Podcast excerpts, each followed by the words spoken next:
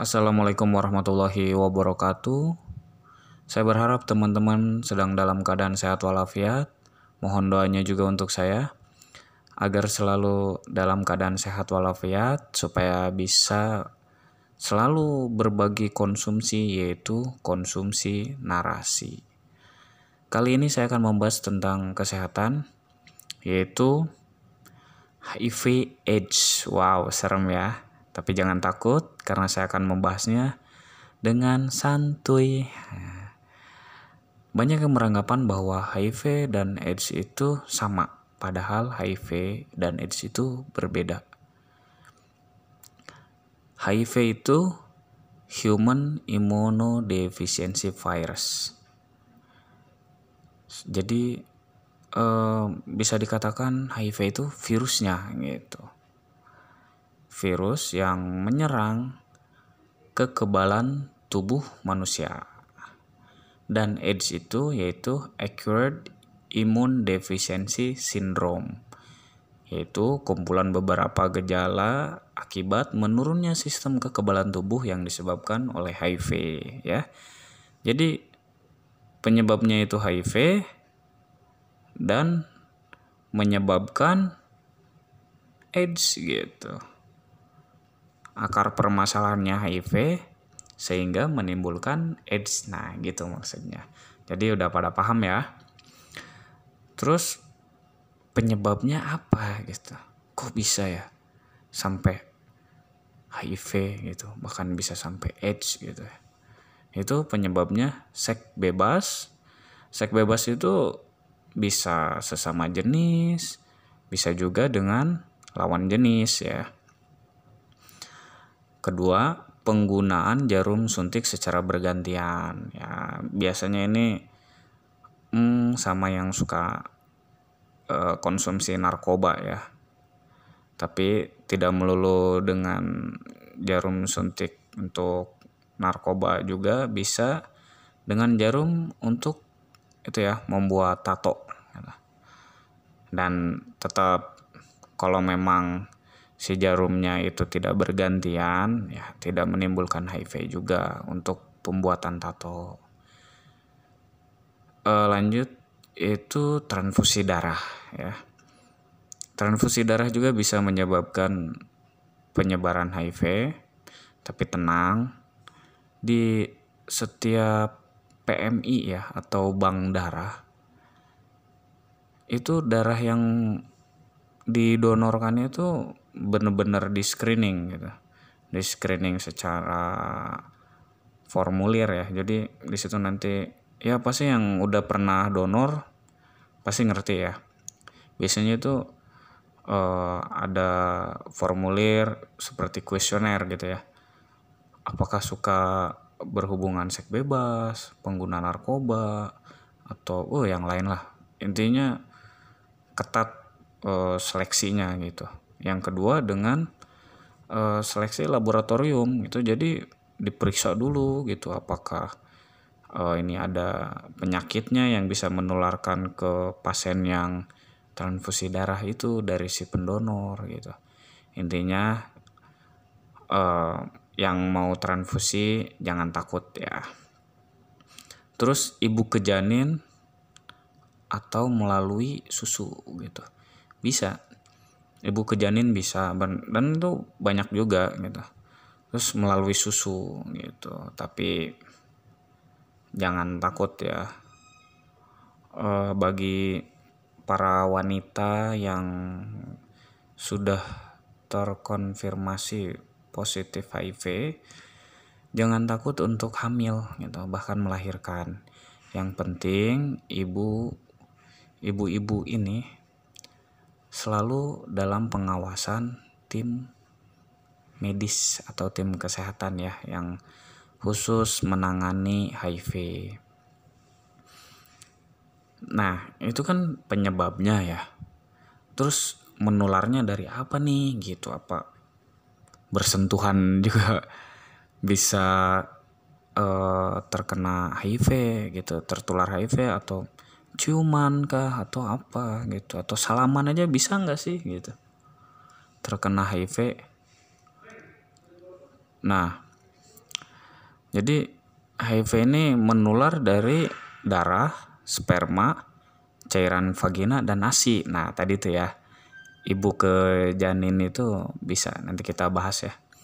Jadi darah itu kan tadi tuh yang uh, bisa ya seks bebas juga kan kadang keluar sampai ada darahnya gitu walaupun sedikit gitu. Terus jarum suntik kan otomatis kan pas dimasukin jarum pasti sedikitnya pasti ada darah gitu tuh.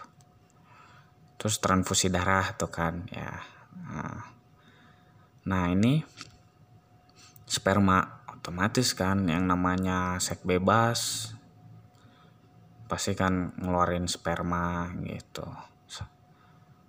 Terus cairan vagina juga kan tadi tuh kan kata saya tuh bahwa tidak mesti sejenis bisa juga dengan lawan jenis gitu kan.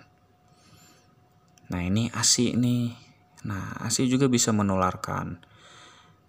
Untuk di Indonesia sendiri yang saya tahu uh, itu masih dibatasi gitu jadi kalau ibu yang sudah positif HIV jadi uh, apa ya dikasih pilihan gitu mau ngasih ASI total ke bayinya atau uh, susu formula saja gitu. Oh ya, maaf maaf. Itu untuk ASI itu kalau untuk di Indonesia uh, tidak dianjurkan untuk pemberian ASI, tapi kalau di Amerika itu udah dikasih dua pilihan, mau ngasih ASI atau susu formula ke bayinya. Tapi kalau ngasih ASI ASI aja gitu. Kalau susu formula susu formula aja. Jangan di mixing. E, takutnya nanti ada e, saat masuk susu formula takutnya ada iritasi saluran pencernaan terus masuk ASI lagi yang ada virus HIV-nya jadi bisa masuk. E, nanti kita bahas di pembahasan selanjutnya nih, pembahasan terakhir. Nah, tadi itu ya uh, yang bisa nggak sih dengan salaman aja gitu kita bisa tertular HIV. Nah, di sini nih saya akan membahasnya. Jadi sistem penularannya gitu. Seperti apa gitu pastinya gitu tuh.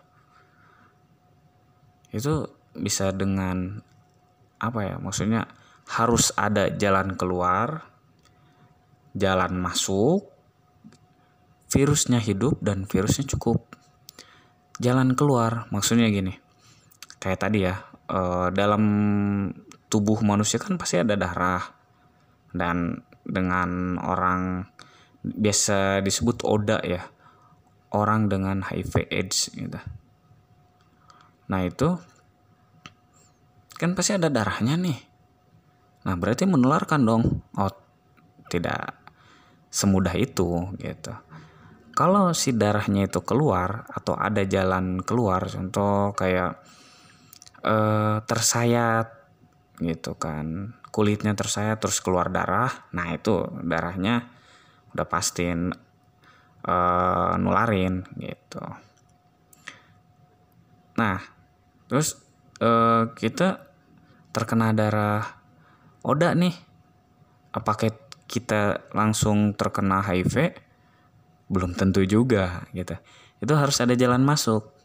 Jadi ya tadi itu ya kulit itu emang uh, Allah memberikan kita kulit itu ya masya Allah gitu ya jadi untuk perlindungan gitu jadi kalau ada darah HIV ke kulit kita tapi tidak ada jalan masuk ya tidak tertular juga gitu. Ya kalau uh, apa darah tertempel tapi kita tidak ada luka atau apa ya insya Allah tidak. Cuman uh, jangan ini juga ya jangan over confidence itu.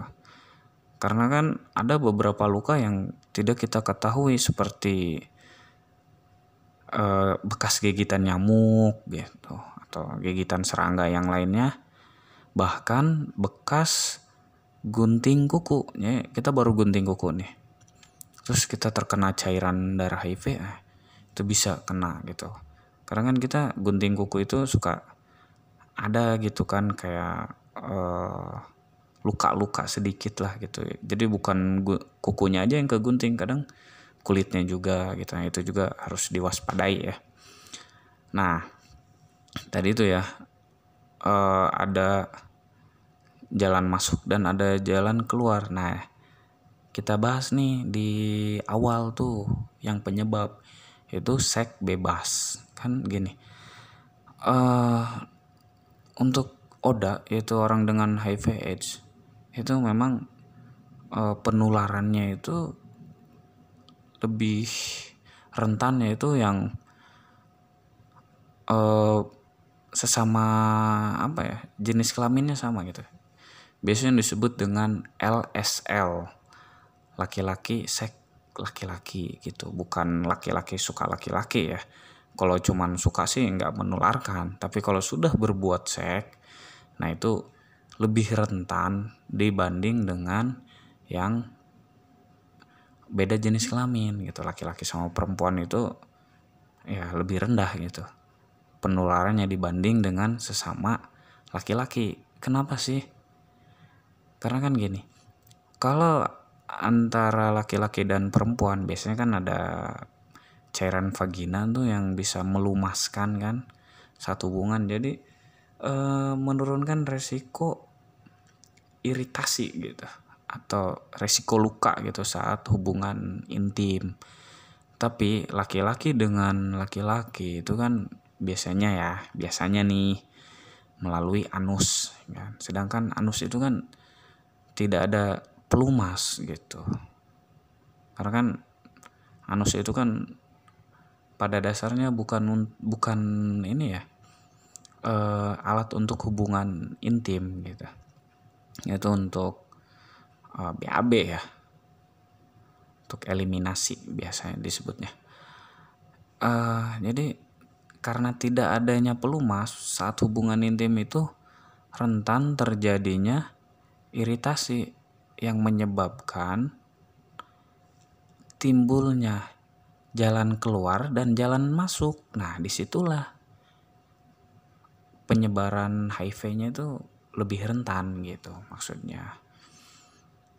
Uh, terus ada masih ada dua lagi nih sistemnya itu yaitu virus yang cukup jadi jumlah virusnya itu harus banyak gitu jadi kayak di ludah gitu apa saliva ya air ludah itu katanya sih ada virusnya tapi jumlahnya itu hanya sedikit gitu jadi bahkan eh, salah satu pakar HIV gitu mengatakan butuh bergalon-galon air ludah untuk bisa menularkan HIV gitu.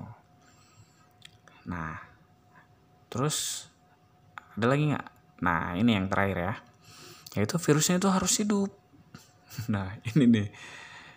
Jadi gimana kalau virusnya udah mati ya nggak bisa nularin gitu.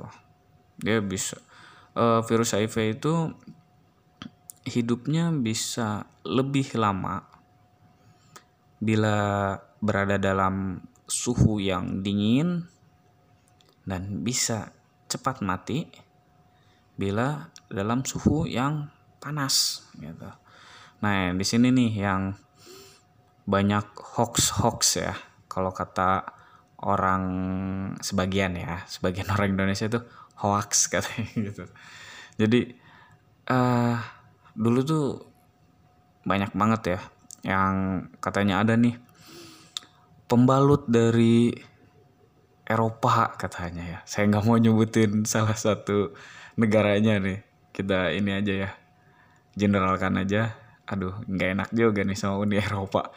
Ya udah uh, di belahan negara lain lah ya. Itu mereka uh, mengirim beberapa pembalut wanita dengan jumlah yang besar yang katanya dimasukin darah-darah HIV ya, otomatis kan itu si uh, apa dengan rentan waktu yang lama kan dari sana kan uh, sangat tidak mungkin ya kalau menggunakan pesawat. Pasti kan pakai kapal laut gitu ya. Dan pasti kan berbulan-bulan tuh. Dan kalaupun memang diberikan virus HIV di pembalut itu udah nyampe ke Indonesia itu ya udah mati gitu virusnya gitu. Kalaupun bener ya gitu. Terus ada lagi nih katanya dari uh, kaleng makanan ya. Dari ya ini sih salah satu negara lah ya saya nggak mau nyebut juga. Kalau yang sering dapet WA WA itu tuh WA hoax hoaxnya pasti ngerti lah. Karena apa ya penyebaran WA itu wah lumayan. Saya aja dapat WA itu sampai 2 sampai 3 kali gitu yang ngirim ke grup atau ke apa ya, Japri ya gitu atau Wapri sekarang tuh. Itu di memang sih oh, di negara itu memang banyak hmm, homoseks gitu ya. Dan mungkin juga banyak yang HIV di sana. Itu katanya sih darahnya itu apa sih kaleng makanan itu dimasukin darah terus dikirim ke Indonesia ya otomatis kan pertama ya tadi itu waktu ya. Waktu lama pasti bisa mati juga tuh si virusnya. Terus kan kaleng makanan kan biasanya tuh dipanaskan di suhu yang lumayan kan gitu. Supaya bakterinya pada mati lah atau apa gitu. Ya otomatis itu udah kalaupun benar tadi itu ya kalaupun benar pasti sudah mati gitu ya oh, segitu aja ya tentang HIV dan AIDS. Semoga kita terhindar ya. Salah satunya dengan menjauhi penyebabnya yaitu seks bebas penggunaan jarum suntik secara bergantian.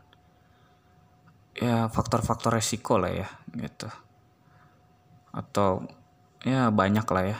Yang lebih banyak itu dari seks bebas ya ya semoga apa uh, Indonesia ini terbebas dari HIV ya. Cukup sekian dari saya. Wabillahi taufiq walhidayah assalamualaikum warahmatullahi wabarakatuh. Salam konsumsi narasi